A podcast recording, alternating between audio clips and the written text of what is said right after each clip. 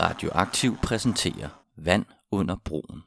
En podcast, hvor vi dykker ned i venstrefløjen og arbejderbevægelsens historie, for at belyse fortidens erfaringer, idéer og kampe.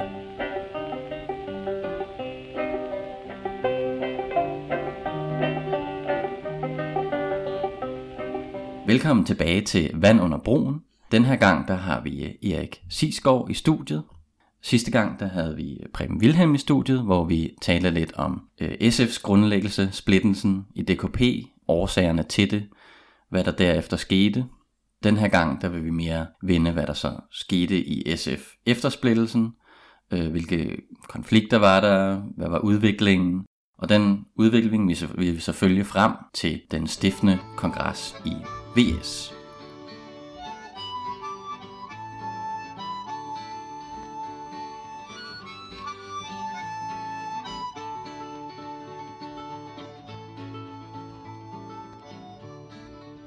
Min medvært øh, i dag, det er...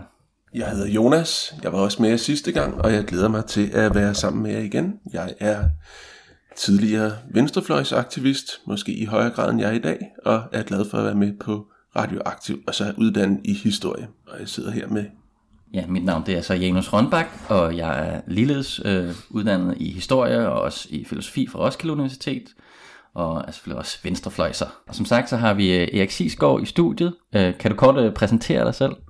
Ja, jeg laver nu forskning omkring børn og voksnes forhold til hinanden, og et hovedbegreb for mig, det er institutionalisering. Og det har det været, kan jeg sige, stort set hele mit liv. Men det er blevet det stadig mere, for jeg synes, det er et kæmpe problem. Øh, men det kommer vi nok mere tilbage til. Jeg bor i København, og øh, har tre børn, fire børnebørn. Og øh, du har også været, været aktiv tidligere på Venstrefløjen. Ja, ja. Øh, det har jeg da i høj grad. Jeg har været med i SF fra, jeg tror, et års tid efter, at øh, partiet blev stiftet.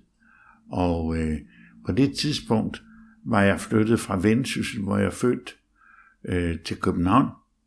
Og der kan man også sige, hvorfor kører jeg ind i det? Øh, altså deroppe, der sagde man, der er altid arbejde nok til dag, der vil have arbejde, sagde man mm-hmm. på vende på mål.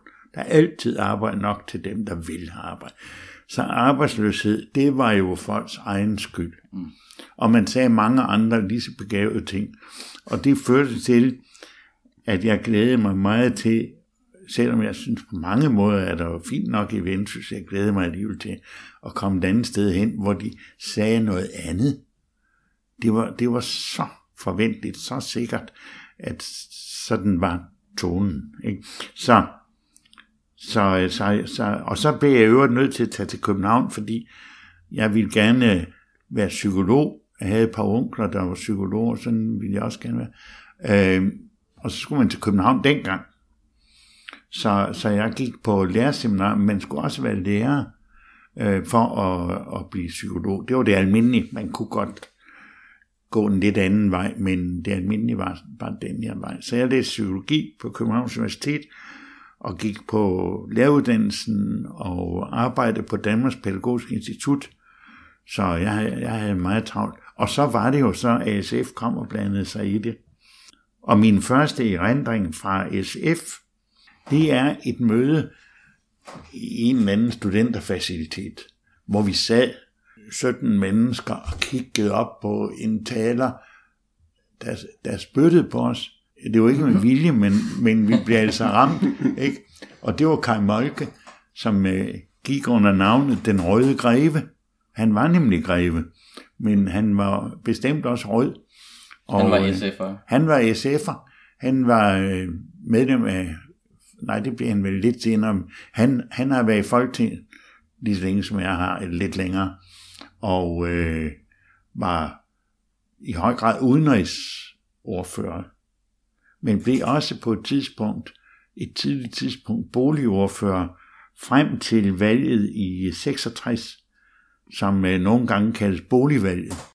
Det var der, hvor regeringen ville øh, ikke med et slag, men ret hurtigt hæve huslejerne i den gamle boligmasse, for at harmonisere boligmarkedet. Og jeg var i valgbestyrelsen ude på Nyboder skole.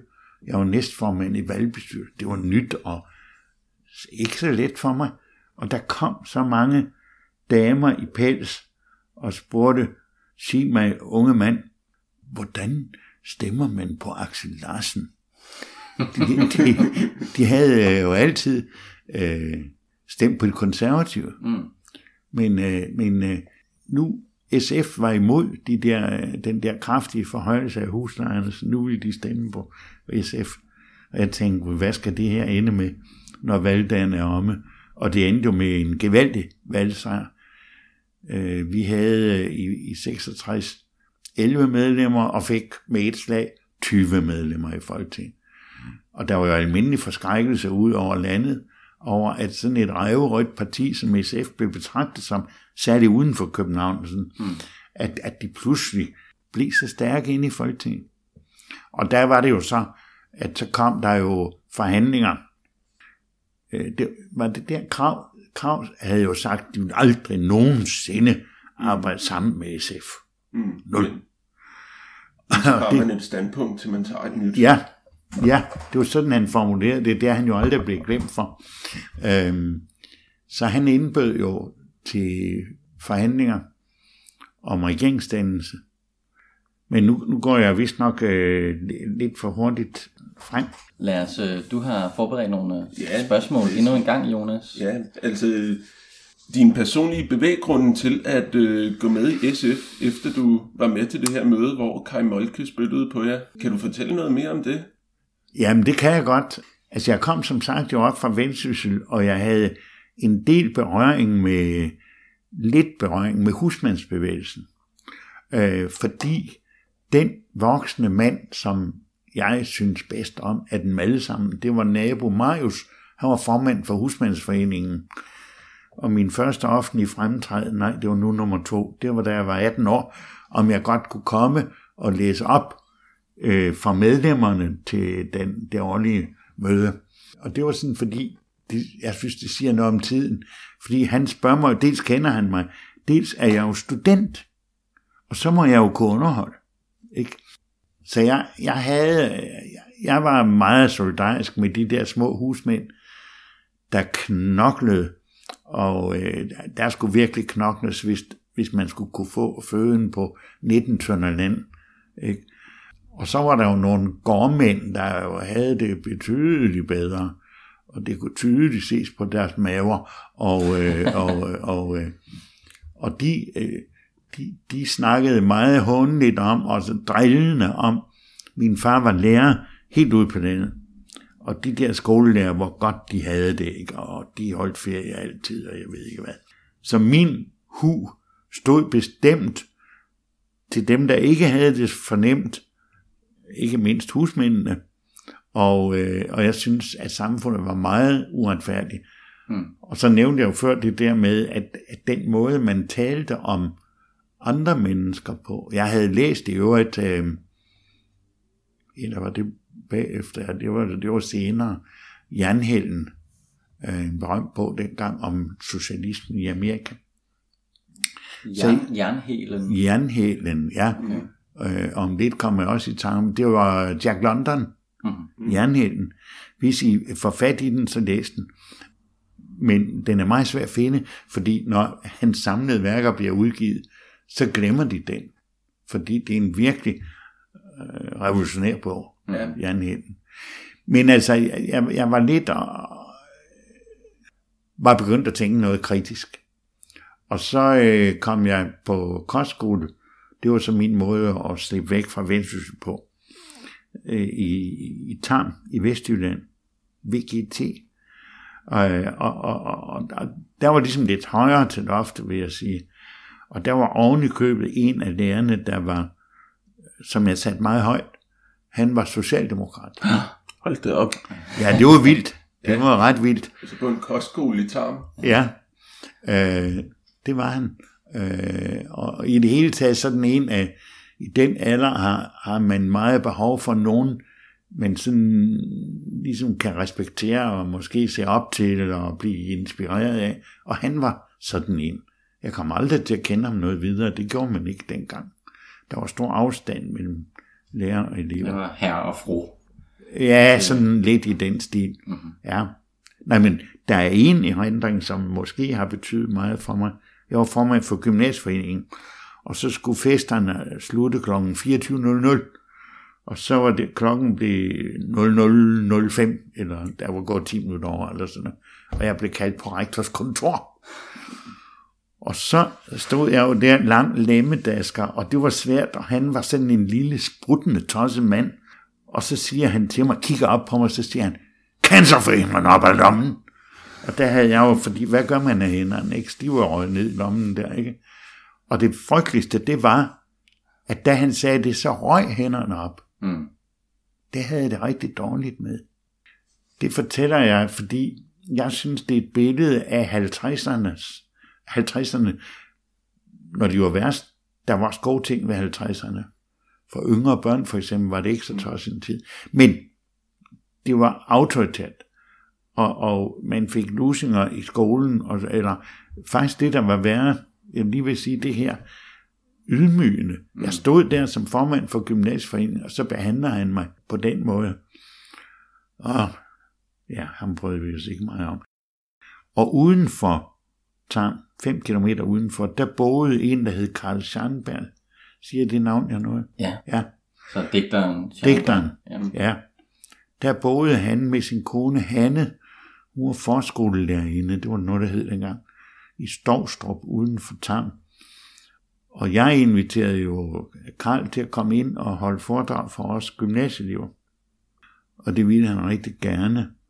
Og hele tiden kom øh, rektor og ville snuppe ham fra mig eller fra os. Og når der sådan kom kulturpersonligheder til skolen, så blev de inviteret op i rektors bolig. Og så var han deroppe, og så fik jeg jo, jamen det også, jeg sad sådan inde i hjørnet. Og så siger han, Nå, hvad laver de som en grudemand? Og så sagde Karl Scharnberg, øh, jeg sorterer kartofler.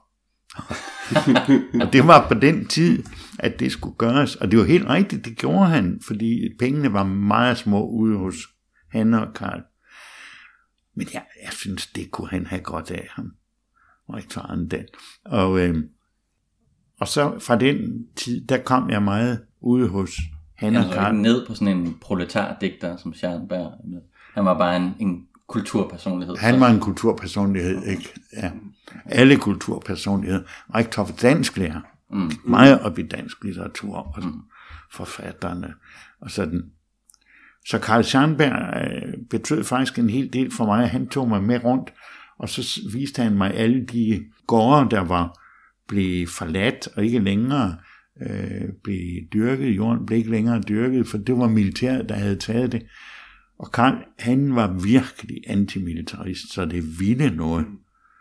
Og øh, det blev jeg da noget påvirket af også. Spørgsmålet var jo, hvordan sådan det kunne gå så galt, øh, at, at jeg valgte et så forkert parti, ifølge folks opfattelse. Og Jeg tror nok, det havde meget med min mor at gøre også, fordi min mor var, som jo var lærerens øh, kone derude på landet, hun kunne godt finde, ud, øh, finde på at grine lidt af øvrigheden, hvis den blev for latterlig. Og det blev den jo nogle gange. Og øh, jeg blev rigtig glad for min mor. Og så skal, I, så skal jeg også lige sige, at, at jeg er jo et af de forholdsvis få tilbageværende krigsbørn. Altså jeg var to år, da tyskerne besatte landet i 40 og var syv, da de forlod det, og har spillet meget fodbold med tyske soldater, mm-hmm. og været skide bange for, at de skulle komme og tage min mor, fordi hun sagde sin mening. Ligesom de havde taget en anden af mit store forbilleder, det var pastor Christensen i Dorf, øh, som de pludselig havde arresteret. Han var også sådan lidt øh, åbenmundet. Så jeg tror, at øh, hvis jeg skulle sige, hvad, hvad er egentlig karakteristisk for mit engagement og min måde at være i det politiske liv på, så vil jeg sige, at øh, demokrati, frihed, det, det er afgørende vigtigt. Og, og, og senere hen, I ved omkring øh, enhedslisten, da det enhedslisten blev dannet, mange bare en lille udflugt frem til det, der kunne jeg ikke være med. Så, så jeg har ikke været medlem af noget parti siden dengang. Og hvorfor kunne jeg ikke være med? For der var kommunister med, så kunne jeg ikke være med. Jeg har altid haft den opfattelse, at der er jo stor afstand mellem det, jeg står for, og det, de konservative står for, eller sådan. Stor afstand. Vi kan godt finde ud af at samarbejde nu og dage om det ene og det andet, men der er en meget stor afstand. Men der er en langt mere afgørende, stor, stor, stor afstand mellem det, jeg står for, og det kommunister står for. Så man kan sige, at det er en form for modstand mod autoriteter. Ja, det kan man jo højt grad sige. Sådan både ja. modstanden mod rektor ja. på, øh, på ja. skolen, og modstanden mod det, ja. øh, modstanden mod det, kommunisterne stod for, som ja. i høj grad var dikteret af Sovjetunionen. Ja, nemlig. Og, og det har været afgørende for mig hele vejen, og det er det, er det stadigvæk. Øh, jeg er lige nu kommet med i noget, der hedder Kritisk Pædagogisk Højskole, hvor jeg er tre gange så gammel som alle de andre, for det er unge mennesker, der prøver at få kritikken ind i pædagoguddannelsen, omkring pædagoguddannelsen. Der opdagede jeg pludselig, at jeg sad og sagde forleden dag, der var kommet en henvendelse fra noget, der hedder marxistisk analyse et eller andet. Det er muligt, I ved, hvad det hedder. Nej, men nogle mennesker, som jeg jo ikke kender til, som gerne ville have et samarbejde, og så sagde jeg, ja, okay, okay. Men ikke noget med, at vi skal øh, slutte sammen, eller, eller vi skal være enige, eller vi skal finde en fælles platform. Så bliver det, det skal vi ikke gøre, sagde jeg. Fordi det har ødelagt så meget i mit liv, mm. at øh, forskellige øh, grupperinger øh, har bekriget hinanden, og, og, og sådan var det jo i meget høj grad i SF. Det er jo det er jo nok øh, det aller værste, jeg har, har oplevet. At jeg har for eksempel aldrig i hele mit liv talt med Axel Larsen.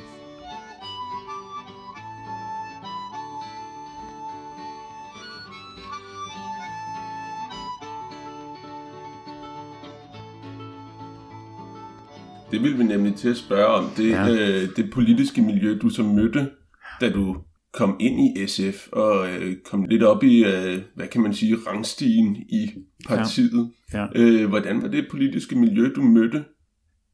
Altså, det, det, ja, det er meget svært at få fortalt, så andre kan forstå det, tror jeg. Men øh, der var forskellige grupperinger. Altså, der var de gamle kommunister, mange af dem fra øh, fagbevægelsen, det var en gruppe, og så var der en masse øh, unge mennesker som mig selv, for hvem det her var, jeg hørte, det, hvad Preben øh, sagde, da I havde en, en samtale med ham, mm-hmm.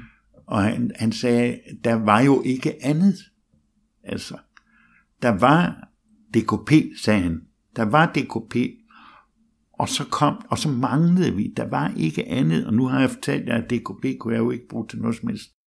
Og så kommer så øh, SF, så det var jo en fuldstændig, for at sige det næsten mildt, så vil sige, det var lykken for mange af os.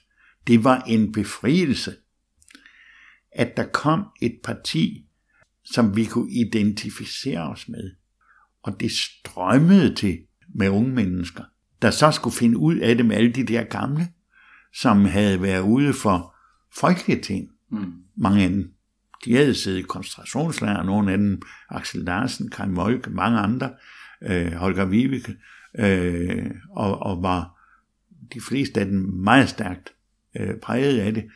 De havde været med i, i et politisk parti, hvor, hvor der var kæftfrit retning, og øh, en af mine gamle politiske fælder, der døde her for et øh, par år siden, kunne jo beskrive, hvordan han var blevet kaldt til kammeratlig samtale. Og det var altså ikke noget, man skulle ønske sig. Men, fordi så skulle der rettes ind. Så derfor, så, så var det altså en befrielse, at det her skete. Sådan for mig at se, sådan forholdsvis pludselig. Jeg havde jo ikke været med i alle de øh, indledende øvelser. Selvfølgelig havde jeg været meget interesseret i øh, Ungarn, øh, i 56 begivenhederne deromkring. Men jeg, jeg havde jo ikke haft det mindste at gøre med DKP. Kommer derude fra, for mit vedkommende op fra Vendsyssel, og sådan væltede det ind med, med unge mennesker. Der var aldrig dengang problemer med, når der skulle føres valgkamp og sådan noget, og øh, andre havde masser af penge, det havde vi jo ikke i SF. Men der var altid godt med folk, der kunne lave fantasifulde plakater, små udstillinger, godt med folk, der kunne banke på folks døre og få de underskrifter, der skulle til osv. Der var et, et liv øh, blandt alle de der unge, og en, jeg tror en beslægtet, øh, vi havde en sådan beslægtet følelse af den der befrielse. Endelig er der noget, som vi kan stå inde for, som vi kan være med til, og som kan ja, blive en stor del af livets mening for os, fordi der var der godt nok, vi havde jo det til fælles, at samfundet skulle laves om, og det skulle være grundlæggende. Ikke? Og så kommer SF, det er jo helt fantastisk. Og det fortæller jeg for at sige, at øh, jeg sad og læste som forberedelse til i dag endnu en beskrivelse af, hvad sker der så i, i øhm, 67-68, ikke? Så står der så, at vi væltede med de borgerlige en socialdemokratisk regering. Vi har altid benægtet den fremstilling. Men jeg vil ikke gå ind i det nu, for det hører ikke til lige her. Men jeg vil sige om det, at tro, at vi bare i ungdomligt overmod eller et eller andet, eller manglende forståelse for klassekampen eller arbejderklassen, eller hvad, nu, hvad man nu kunne sige, at så myrdede vi bare den der socialdemokratiske regering. Det var jo hele vores livsprojekt, der var truet. Og så står vi jo så der og kravet er, stem for fjernelse af dyrtidsportionerne. Stem for det ene og det andet. Direkte imod, hvad, hvad vi stod for, hvad vi havde øh, gået til valg på. Og vi udfoldede alskens bestræbelser. Alskens. For at prøve at finde, jamen, vi kunne jo gøre andre ting. Men det der kunne vi altså ikke være med til. Og der blev lavet fra vores side forslag til, hvordan man i, på anden måde kunne gribe ind over for de der økonomiske problemer, man stod overfor. Og alt blev afvist. Og der var Måns Kammer, som senere gik sine egne veje, absolut. Han, han var, med i Socialdemokratiet. Han var med i Socialdemokratiet, ja. Det blev han ikke ved med. Nej, det blev han så ikke helt ved med. Men, men, men altså det vi snakker om nu, det er, nu er vi hoppet lidt frem til ja. Konflikten mellem SF ja, og Socialdemokratiet ja, i forhold fordi til jeg synes, at det var noget af, af det, der for mig er meget vigtigt uh, at, få, at få beskrevet, når I spørger til, hvordan stemningen og miljøet og sådan noget var uh, i SF, at der var jo den, uh, alle de der unge, for hvem det var en befrielse. På en måde kan man sige, at det var en slags forskræb i forhold til 68 Altså, at den i 50'erne kugede ungdom for livsmål på grund af SF's dannelse. Lidt lignende som det, der skete omkring VS's dannelse en, en del år senere. Ikke? Så det var da det mest smertelige, jeg overhovedet har været med til. Men det var ikke sådan, fordi det kom bag på os. Det skal vi ikke gå dybere i nu. Det kan vi komme lidt uh, nærmere ja. ind på. Men der var jo en anden gruppe i, i SF, og det var jo så de der gamle, for mange vedkommende DKP'ere. Inden jeg siger lidt om dem, skal jeg så også sige, at der var jo også andre. Øh, der var jo også en, øh, på det tidspunkt, for mig havde, jeg havde arbejdet en del som ganske, ganske ung med øh, at udgive et blad, der hed Presseøjster om det tyske spørgsmål. Kan du forklare, hvad øh, det tyske spørgsmål går ud på? Det tyske spørgsmål, det var forslagene om oprustning af Tyskland. Og det var jo øh, forholdsvis kort tid efter krigen. Så det var jo ikke alle, der var helt begejstrede for, at, øh, at Tyskland skulle oprustes. Ja, at de måtte have en hær overhovedet. Ja. Mm. Ja, nemlig. Øh, så, så vi lavede presrøster om tyske spørgsmål, og jeg sad og læste Deutsche Woche, i et par år. Det kom en gang om ugen, som navnet antyder. Og andre læste andre blade, og så samledes vi i Odense, og der var en læge, der koordinerede, der hed Kruse, tror jeg. Og øh, så udgiver vi det der blad.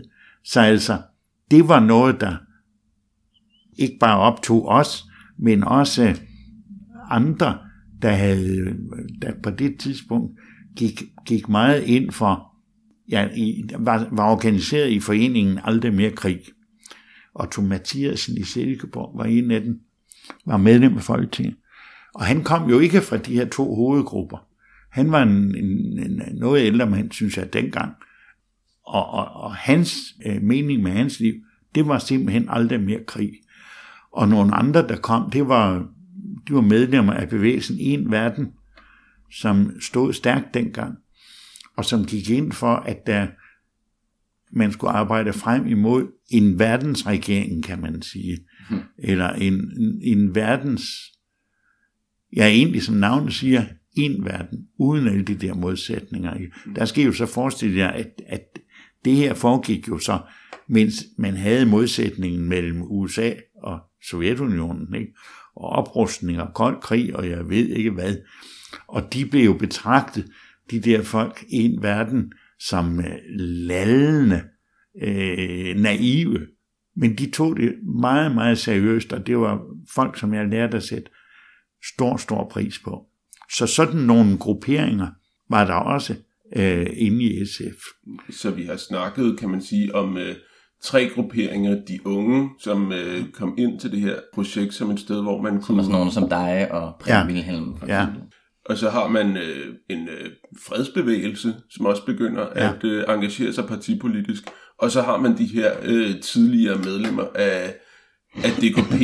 Vil du sige, at de her tidligere medlemmer af DKP og deres gren af partiet bestemte for meget internt? I altså de bestemte øh, det aller, allermeste. Ikke?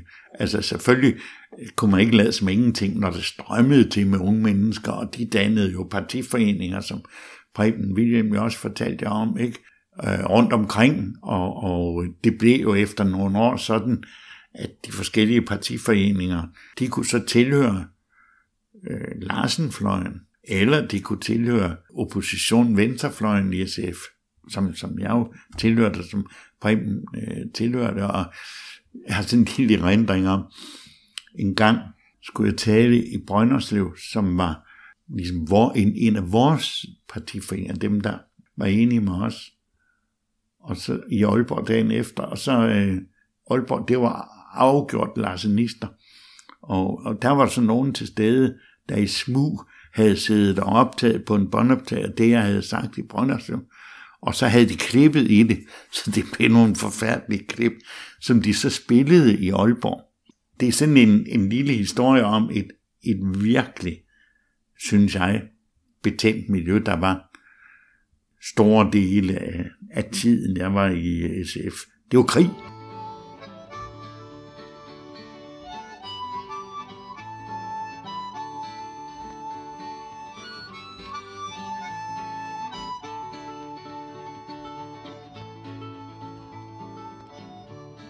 Men hvad var I, hvad var I uenige om? Jamen, altså, der, vi har Larsenisterne, Larsenfløjen, ja, og så ja. har vi en venstre opposition. Hvad, hvad, hvad står de for, ja? Mm, hvad var I konkret uenige om? På det kulturelle område, der kan man sige, altså Morten Lange, som øh, nogen på venstrefløjen blev kaldt professoren i svampe på anden, og anden rådenskab. Øh, altså, hvem, hvem er Morten Lange? Morten Lange var nummer to i SF professor på Københavns Universitet. Han, han var meget højt på strå øh, på Københavns Universitet, og han var Axel Larsens øh, betroede mand, og en meget, meget begavet øh, mand, vil jeg, vil jeg også sige. Ikke? Så, øh, og han, han talte om økologiske barfodsgængere. Og, og han sagde et værre ord end økologisk, som ikke vi kan huske, men i hvert fald var vi barfodsgængere. Mm-hmm. Ikke? Altså, og dermed udtrykte han jo biolog, som han var, sagkyndig på miljøfeltet, som er begyndt ligesom at optage os. Så udtrykker han jo sin foragt for det, vi gik op, som det, vi synes var væsentligt i politik. Klimaspørgsmål, miljøspørgsmål. Pløndring, sult, forgiftning af palmestjerne var en, en bog, der udkom. Tror jeg nok allerede dengang. Ikke? Så, øh, så det, vi prøver at handle ud fra nu, øh, det har vi vidst rigtig meget om, i hvert fald i 50 år eller mere. Og I forhold til klimaproblematikken. Klimaproblematikken. Miljø. Og, der, der, og det var de unge, der stod for det. Og Larsen var jo, øh, og, og, og Lange, de var jo ikke alene om det, når de hånede dem, der gik ind for sådan noget. Alle de andre gamle DKP'er, de synes også, at det var helt latterligt. Det, det handlede om, det var mere i løn til de arbejdende, bedre boliger osv. osv. Noget, som vi andre jo ikke var uenige i, selvfølgelig. Men det, alligevel blev der vældig strid om det. Øh, jeg var også kommunalpolitiker i en del år i Københavns Kommune. Og det blev jeg faktisk før jeg kom i Folketinget. I 62 kom jeg ind der, var der til 70, og senere et års tid omkring 75. Og, og havde så egentlig den dobbeltposition jeg tror nok på Axel Larsens forslag, at jeg både var formand og politisk ordfører på Rådhuset og medlem af Folketingsgruppen. Og han havde været inde på Rådhuset og skulle høre, hvad jeg nu var for en, da jeg var blevet valgt. I spørger også lidt om, hvordan var demokratiet i SF. Jamen det var jo altså så sådan, at der kunne godt blive valgt en ung fyr, øh, som så oven i købet fik en, en forholdsvis indflydelsesrig position på Københavns Rådhus, uden at Axel Larsen eller andre i, i den eneste kerne havde noget som helst med det at gøre. Det måtte de tage til, til efterretning.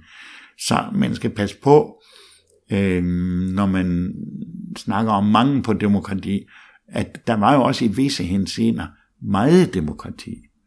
Og frit slag, om man kunne skrive artikler og udtrykke sig, øh, som man nu ville.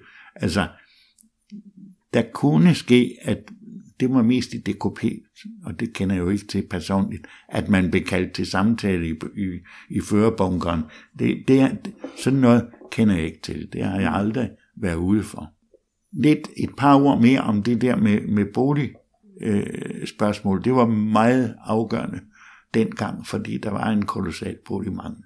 Og øh, så blev der bygget blandt andet urbanplanen i København, navn, fik navn efter daværende overborgmester. Ja, det er jo mange af de områder, som øh, regeringen i disse dage vil øh, sætte på øh, diverse ghettoplaner, som øh, blev bygget dengang. Ja, det er rigtigt. Men øh, lejerne får jo lov til at være med, nemlig i, i, i, i form af, at de skal altså betale for, for, for at få revet de boliger ned. Men øh, så jeg var med til, jeg og mine partifæller var jo med til at finde ud af, fordi vi udgør flertal på Rådhus sammen med Socialdemokrater og andre. Hvordan skal de boliger med? Og der opstod kraftig splid, også hos os i SF. Dels var der uenighed med Socialdemokraterne, fordi Socialdemokraterne de sagde, der skal være en toværelseslejlighed per familie, eller to og en halv nogle gange, hvis det gik højt, hvis der var tre børn og sådan noget. Men ellers toværelseslejligheder. Og øh, hos os, jamen der var jo der var dels folk, der havde meget forstand på det, mange byplanlæggere, øh, arkitekter, det ene og det andet, og som havde meget at skulle have sagt. Altså, vores styrke dengang bestod meget i, at, at der var fagfolk, der kom, og, og selvfølgelig ganske gratis, var med til at udforme vores, øh, vores politik. Ikke? Så for os var det jo helt naturligt at sige, der skal være stor vægt på grønne områder. Udfoldelsesmuligheder for børn og unge og for, for alle i, det hele taget. Rummelige lejligheder. Og, og det er jo ligesom om, at toppen var nået, da vi på et tidspunkt øh, havde sagt, jamen i de femværelseslejligheder, som vi synes, der skulle være, nogen af os, de store familier, der skulle det være to toiletter. Badeværelser og gæstetoiletter. Ej, nu var vi jo blevet virkelig borgerlige, at vi kunne gå ind for den slags ting. Ikke? Øh, og der var voldsom strid. Urban Hansen var virkelig imod det. Og af økonomiske grunde ville de jo også skære ned på de grønne områder. Altså det skulle være nogle almindelige, sådan lidt småskattede øh, lejligheder, som, øh, som de almindeligt bemidlede københavnere skulle bo i. Og det ville vi ikke være med til. Men den uenighed, den rakte jo ind i SF, og Larsenfløjen, og hvor nogen af dem, nogle af dem, der var øh, tilhørt den fløj og var kommet fra DKP, altså de havde kulturpolitiske synspunkter. Altså det kunne lige så godt være fra SF, at Rindal i sin tid, Rindal, det var en, der gik ind for al statsstøtte til kultur skulle afskaffes. Rindalismen. Og Rindalismen. Mm. Det kunne lige så godt være fra SF. Altså det var så reaktionært. Og det var jo chokerende for alle, for alle os yngre at, at, at møde øh, så reaktionære holdninger. Hvis man skal karikere det lidt, så kan man jo tage sit indre billede af sådan nogle boligblokke i, øh, i den gamle Østblok og øh, sætte det som deres boligpolitik, men det er måske at karikere det lidt for meget. Nej, men det får mig til at... Det kan man sagtens gøre. Altså sådan mener jeg ikke, at det blev. Altså, der blev så indgået nogle kompromiser, mm. så øh, der blev lidt mere grønt, og lidt mere det ene, og lidt mere det andet. Og det er ikke det værste, bestemt ikke det værste byggeri, der er lavet, urbanplanen.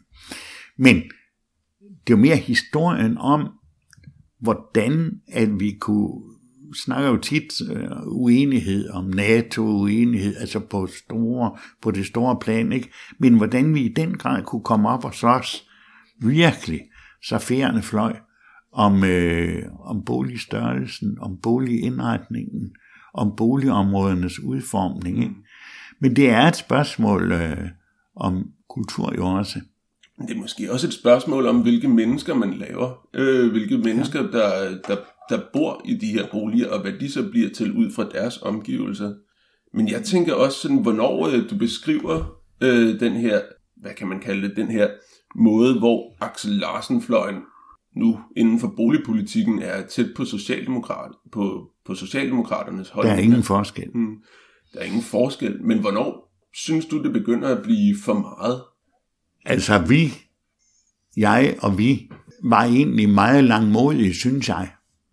Og vi vidste, at øh, oh, her skal indgås mange, mange kompromiser. Ikke? Og vi, vi vidste, jamen SF består af de der helt, helt forskellige grupperinger. Ikke? Og sådan er det. Og så må vi øh, slås med det så godt, øh, som vi nu kunne. Øh, jeg vil sige, at der hvor at det virkelig blev for meget, det var jo der omkring øh, 66. Jeg nævnte jo bolig, fordi mm. 66, ikke? Ja. hvor SF faktisk gik imod det. Ikke? Og så derefter, så får vi jo så forløbet, hvor øh, Socialdemokraterne efter at have tabt valget med nogle mandater, og SF går kraftigt frem, altså laver man så det, som andre, ikke vi, ikke Socialdemokraterne, kaldte røde kabinet, man lavede et uh, samarbejde, ikke i regeringen, men et, et formaliseret samarbejde. Mellem hvor, SF og Socialdemokratiet. Mellem SF og Socialdemokratiet. Det er også det, man kalder arbejderflertallet. Ja, man kaldte det arbejderflertallet, ja. Øh, og vil I virkelig sætte arbejderflertallet over styr? Det var sådan noget, man sagde til os. Og hvad, hvad årstal er det her? Det er, det er øh, 67. Det er egentlig perioden 66 og 68, jeg snakker om, mm. fordi øh, i begyndelsen af 68, der er regeringen så gået af, gør den der, og så øh, og udskriver valg. Og det er der kampen står om, hvem var egentlig, hvem var det, der øh, bærer ansvaret for dette tab af arbejderflertallet. Ikke? Og hvor jeg har sagt lidt til jer om, at, at vi gjorde simpelthen alt, hvad vi kunne, fordi det var det værste, vi kunne forestille os. Det var, at vi skulle blive nødt til at stemme imod. På den anden side, så havde man jo på det tidspunkt det, der hed dyrtidsportionerne. Og det betød, at når priserne steg, hvad de gjorde, øh, en del i perioder, så fik man automatisk kompensation på lønnen. Nu er priserne steget 4%, så får man 4% højere løn. Det skulle der skæres ind overfor. Det skulle afskaffes. Og der kunne vi jo se, jamen det er jo simpelthen kernen, for selvfølgelig skal man forsvare reallønnen. Det, det er grundlæggende mm. øh, viden for os, for os alle sammen. Så, øh, så, så, så der går den jo ikke længere, der bliver det helt afgjort øh, for meget. Mm. Hvis man skal drage en parallel til i dag, så kunne nogen måske sige, at øh, Socialdemokratiet stod for nødvendighedens politik på det tidspunkt. Der er sket det, at øh, England har valgt at devaluere deres valuta, ja. Og så for at sikre landbrugseksporten til Storbritannien, så vi kunne sælge noget smør og bacon derovre ja. stadigvæk, så ja. blev vi også nødt til at devaluere kronen ja. i Danmark, ja. og det vil man så finansiere ved at lave en, ved at fjerne de her dyrtidsportioner for en periode. Ja. Men sådan noget som for en periode, det troede vi jo ikke det, det mindste på. Altså, det ville være for evigt, ikke? Sådan, ja. det regnede vi med. Det ville blive meget svært at få genindført, mm. ikke? Så øh, jo, men når du siger, at de står for en nødvendig politik, det man kalder en nødvendig politik, det er jo, det er jo kommet virkelig meget frem de allerseneste år. Ja, så nu, nu er det som om, at det er sådan en, en, en øh, økonomisk politisk, øh, ja, sådan en kendskærning. Sådan, sådan er det bare. Det er desværre nødvendigt. Det kan godt gøre ondt på nogen, men, øh, men øh, det, det bliver vi nødt til at gøre. Ja, altså, det, man kan sige, hvad karakteriserer venstrefløjen? Det er jo måske, at på venstrefløjen tror jeg alle øh, er enige om, at, at de kapitalistiske nødvendigheder, påståede nødvendigheder, øh, de er nødvendige, hvis man bliver inden for det systems rammer, og spørgsmålet for os har jo været, hvordan bevæger vi os videre i retning af noget andet, hvordan får vi indført nogle kvalitative forbedringer. Og vi var ikke sådan nogen i det samarbejde, der troede på øh, forandringer over natten, eller på et år, eller tre år. Det var vi ikke. Men, men vi ville videre, altså dels ville vi, ville vi forsvare alle almindelige menneskers mindre bemidledes mulighed for at leve et anstændigt liv. Ikke? Vi vil også gerne forbedre det lidt, men vi vil da i hvert fald ikke forringe det. Så måtte vi finde andre måder, og vi udviklede et mod, modforslag, flere modforslag, som blev afvist, og hvor jeg tror, at der dengang selvfølgelig også i Socialdemokratiet var, var flere strømninger. En strømning, hvor Hækkerup spillede, Per Hækkerup, som var meget fremtrædende, øh, parlamentarisk, øh, var, han, var han udenrigsminister? Han var udenrigsminister ja. i lang tid, og så sagde han blandt andet, at øh, SF skulle ind under magtens å, ja. så de kunne lære det, hvordan ja. det var at have reel magt. Ja, øh, så han var jo en fjende. Mm. Ikke? Krav opfattede jeg anderledes. Til krav havde man sådan et øh, distant forhold. Så hvis vi prøver at øh, se på, hvad sker der så her i de øh, sidste dage med arbejderflertal, hvis man kan kalde det det? Altså i de sidste dage, da går der bud til mit kontor fra krav og den anden vej. Og ikke kun til krav, til forskellige, ikke? Altså mellem SF's venstrefløj. Hvad og vi du? taler om statsminister Jens Otto Krav. Ja. Og der går budskab, kunne vi ikke gøre sådan der i stedet for, kunne vi ikke, og så videre. Og, og vi sporer en vis vilje til øh, at prøve at finde en vej, udenom at forringe dyrdispositionen, prøve at finde en alternativ vej. Men, men vi sporer også bestemt modvilje imod det. Vi må jo savne øh, forståelse. Der, der var ikke det mindste forståelse mellem SF's venstre og højrefløj. Axel Larsen udtalte ved flere lejligheder, jamen, jeg forstår så godt statsministeren, når, når, når Krav havde øh, sagt det der, det gør statsminister jo næsten sådan per automatik, det kan vi ikke, det fører for vidt, det kan vi ikke være med til. Øh, nu fortæller jeg lige en anden ting, som belyser samarbejdet, synes jeg, mellem øh, SF og Socialdemokratiet. Et meget stort spørgsmål i de dage, det var efterretningstjenesten. Og vi mente jo alle sammen, at vi blev aflyttet. Og, og så får vi så formuleret med, med besvær, bliver venstre og højrefløjen i SF så enige om, at, at vi må i hvert fald, vi, må, vi, vi kan ikke have, at vi sidder og forhandler med regeringen fortroligt, og så bliver vi aflyttet af efterretningstjenesten. Så det tager vi op, og Krav siger, jamen, øh, han siger faktisk ingenting, han skal lige sådan. Og så næste gang vi mødes, så siger han, at han kan meddele, at så længe vi sidder sammen i den der gruppe, som bliver kaldt det røde kabinet, så vil vi ikke blive aflyttet. Det var for mig virkelig interessant. Ikke? For dermed er det jo også sagt, at før og efter, ja, der bliver vi aflyttet. Og det var et meget stort spørgsmål dengang, og det var jo også, de siger noget om, at det var jo ikke to hold venner, der sad der og snakkede med hinanden. Tilbage til øh, forhandlingerne. Vi tror ikke på, at Socialdemokraterne simpelthen vil begå selvmord. Altså, vi tror ikke på, at de, at de vil gå frem i folketingssalen. Og vi havde jo sagt, at vi stemmer imod. Og jeg tror, mange hos dem troede ikke på, at vi ville gøre det, fordi det var utænkeligt, ligesom i deres partikultur. Mm. Øh, der ville man jo ikke finde på at gøre sådan noget.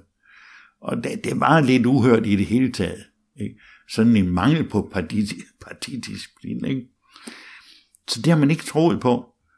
Men altså de forskellige forsøg med budskaber frem og tilbage, de mislykkes. Og øh, så går de frem i folketingssalen med et forslag, hvor de klart og tydeligt har fået at vide, at det vil vi stemme imod. Venstrefløjen. Venstrefløjen i SF. I uh, SF. Mm. Og det gjorde vi så. Og så meddelte krav, at nu måtte regeringen jo så gå af, for nu havde den jo ikke længere øh, nu er der et flertal imod den, tror jeg, han sagde. Øh, så nu må, nu må de gå af, og det, det, det gjorde de jo så. Samtidig var der voldsom, voldsom øh, splid i SF.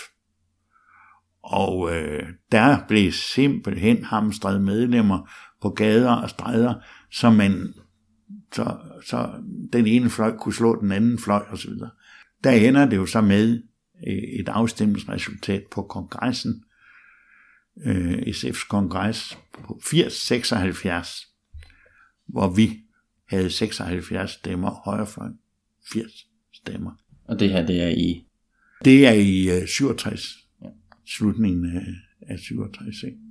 Så øh, tager vi vores øh, gode tøj og går ud af lokalet, alle 76 og går ind i landstingssalen og øh, stifter VS.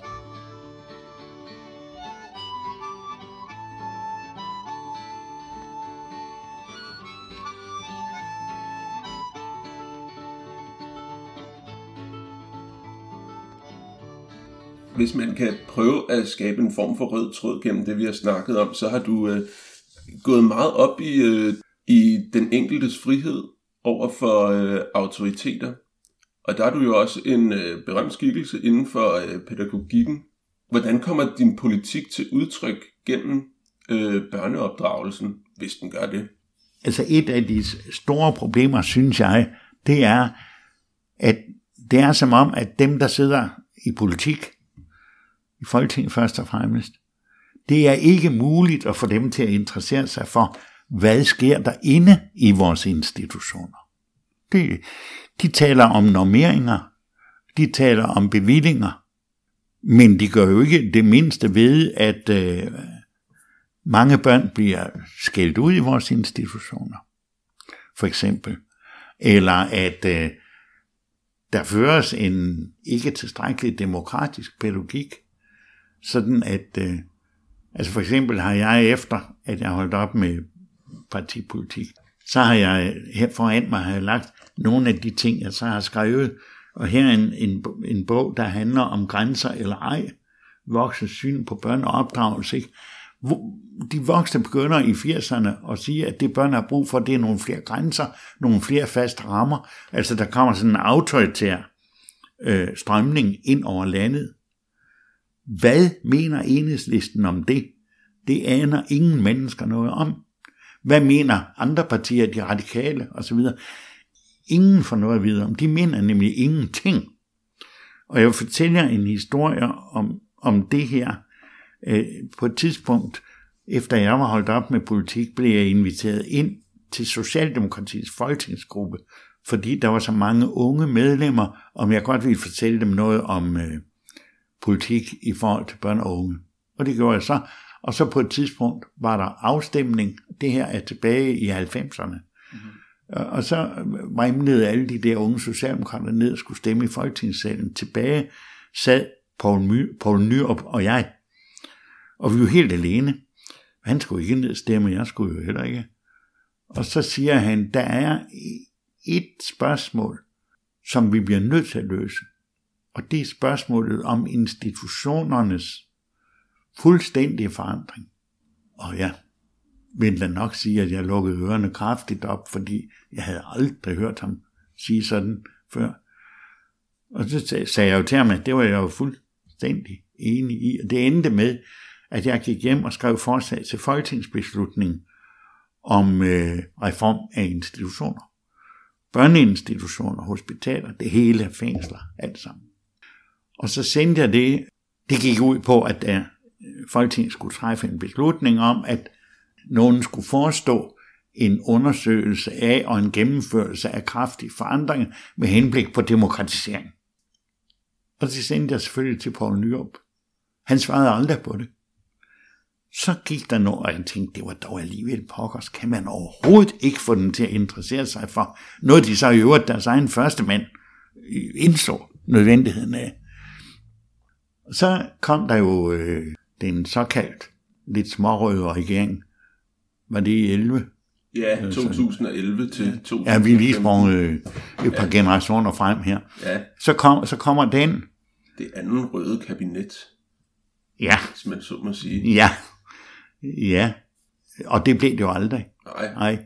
Men, øh, men, øh, men øh, og så tænker jeg jo, så, hvis de overhovedet skal udrette noget, og det er ikke muligt at trylle på det økonomiske område, så må tiden være inde til at forbedre folks forhold, når de er på sygehus, eller går i børnehave, eller i skole, eller hvad det nu kan være. Så jeg skrev til alle de fire partier, de tre regeringspartier, samt enhedslisten. Ingen svarer. Det er alligevel forbløffende. De svarer ikke på, på det savlige indhold overhovedet. Så det er ikke, efter min erfaring, muligt at få virkelig forbedringer igennem ved at arbejde traditionelt politisk i Danmark. Så dem, der i sin tid sagde, man må arbejde udenomsparlamentarisk, det var et meget vigtigt øh, standpunkt at have for 50 år siden. Ikke? De har ret. De har ret. Det, der bliver gennemført ude omkring, kan have en sådan styrke og kraft, at Folketinget bagefter kommer og stempler det som ok, ikke? Mm. fordi de bliver nødt til det. Men det, det er den vej, forandringerne sker. Og der er et eller andet, som gør, at almindelig parlamentarisme ikke er i stand til at arbejde med, hvordan skal mennesker leve med hinanden i hverdagslivet. Ikke? Og, og det gør jo, at jeg har jo aldrig en eneste dag savnet at være med i parlamentariske forsamlinger, fordi de arbejder ikke med det, der er det væsentligste. Og samtidig så tænker jeg tilbage på, lige efter den russiske revolution i 17, de allerførste år derefter, der er der meget skriveri om, jamen når vi nu laver revolution, hvad så med livet hjemme i familien? Skal det stadigvæk være ok, at far banker børnene? Det kan ikke være rigtigt. Der må være en socialistisk måde. Det var jo inden stalinisme og alt det her, ikke? Mm. Øh, og gøre det på det meget spændende at, at, at læse om i den meget unge Sovjetunionen. Men der bliver jo hurtigt lagt låg på, og der bliver smækket lusinger, som tidligere, det er sikkert ikke, ikke, ikke ændret. Men det havde de helt rigtig fat på i 1918-19. Altså hvis det hele skal du til noget, hvis, hvis der skal komme mennesker efter os, som skal være i stand til at gøre noget ved den temmelig umulige verden. Altså der er jo ting og sager, vi ikke lige har fået ordnet helt. Ikke? Hvis de skal kunne gøre noget ved det, så kræver det meget handekraftige mennesker. Og jeg vil slutte det her med at sige, at da jeg på et tidspunkt for nogle år siden fandt ud af, at i samisk kultur i Nordskandinavien, der skælder de ikke børnene ud. Og en gammel same blev spurgt, hvordan det kunne være, fordi I ved jo, her er alle jo sikre på, at straf skal der til, og sådan noget. Så siger han, jamen, øh, det er jo et, øh, det er jo et svært liv, de står overfor. Dagens børn, som skal være morgendagens samiske befolkning, det er, det, er, det, er, det er jo svært. Alle de regler, og der mangler øh, og græsser, man skal kunne vælge, hvor skal vi gå hen, og det er så, så han beskrev, hvor svært det er. Og så sagde han, det var ligesom hans svar, så derfor kunne man jo ikke øh, skælde ud på børnene. Altså, han forstod noget, som vi først i dag, og kun nogen af os, er på vej til at begynde at forstå, at mennesker, der bliver ydmyget og krænket og skældt ud og mobbet, de får rigtig svært ved at klare sig øh, her i tilværelsen. Ikke? Så det bliver vi nødt til i de kommende år at se på, hvordan søren får vi lavet steder, hvor børn og unge kan være, men også hvor ældre kan, øh, kan være, hvor det er nogle andre normer, der er i højsædet, hvor det er respekt og værdighed. Det er, det er så det, jeg arbejder med, så længe jeg overhovedet kan. Det, det bliver ved med, fordi det er vigtigt. Ikke? Og der er heller ikke de samme stridigheder mellem forskellige fraktioner, som man kunne bruge sin tid på. Der er selvfølgelig folk, der mener noget forskelligt, det er jo klart. Men øh, det politiske liv har sine begrænsninger. Så forandringer sker i folks hverdag. Ja. Og med disse ord vil vi sige tak for denne gang. Vi er så nu nået til vejs ende her i Vand under broen. Vi er glade for, at I lyttede med, og vi er glade for, at Erik Sisgaard vil øh, deltage. Og vi glæder os til næste gang, hvor vi så dykker ned i VS' kongres og hvad der skete i VS de tidlige år. Vi ses næste gang.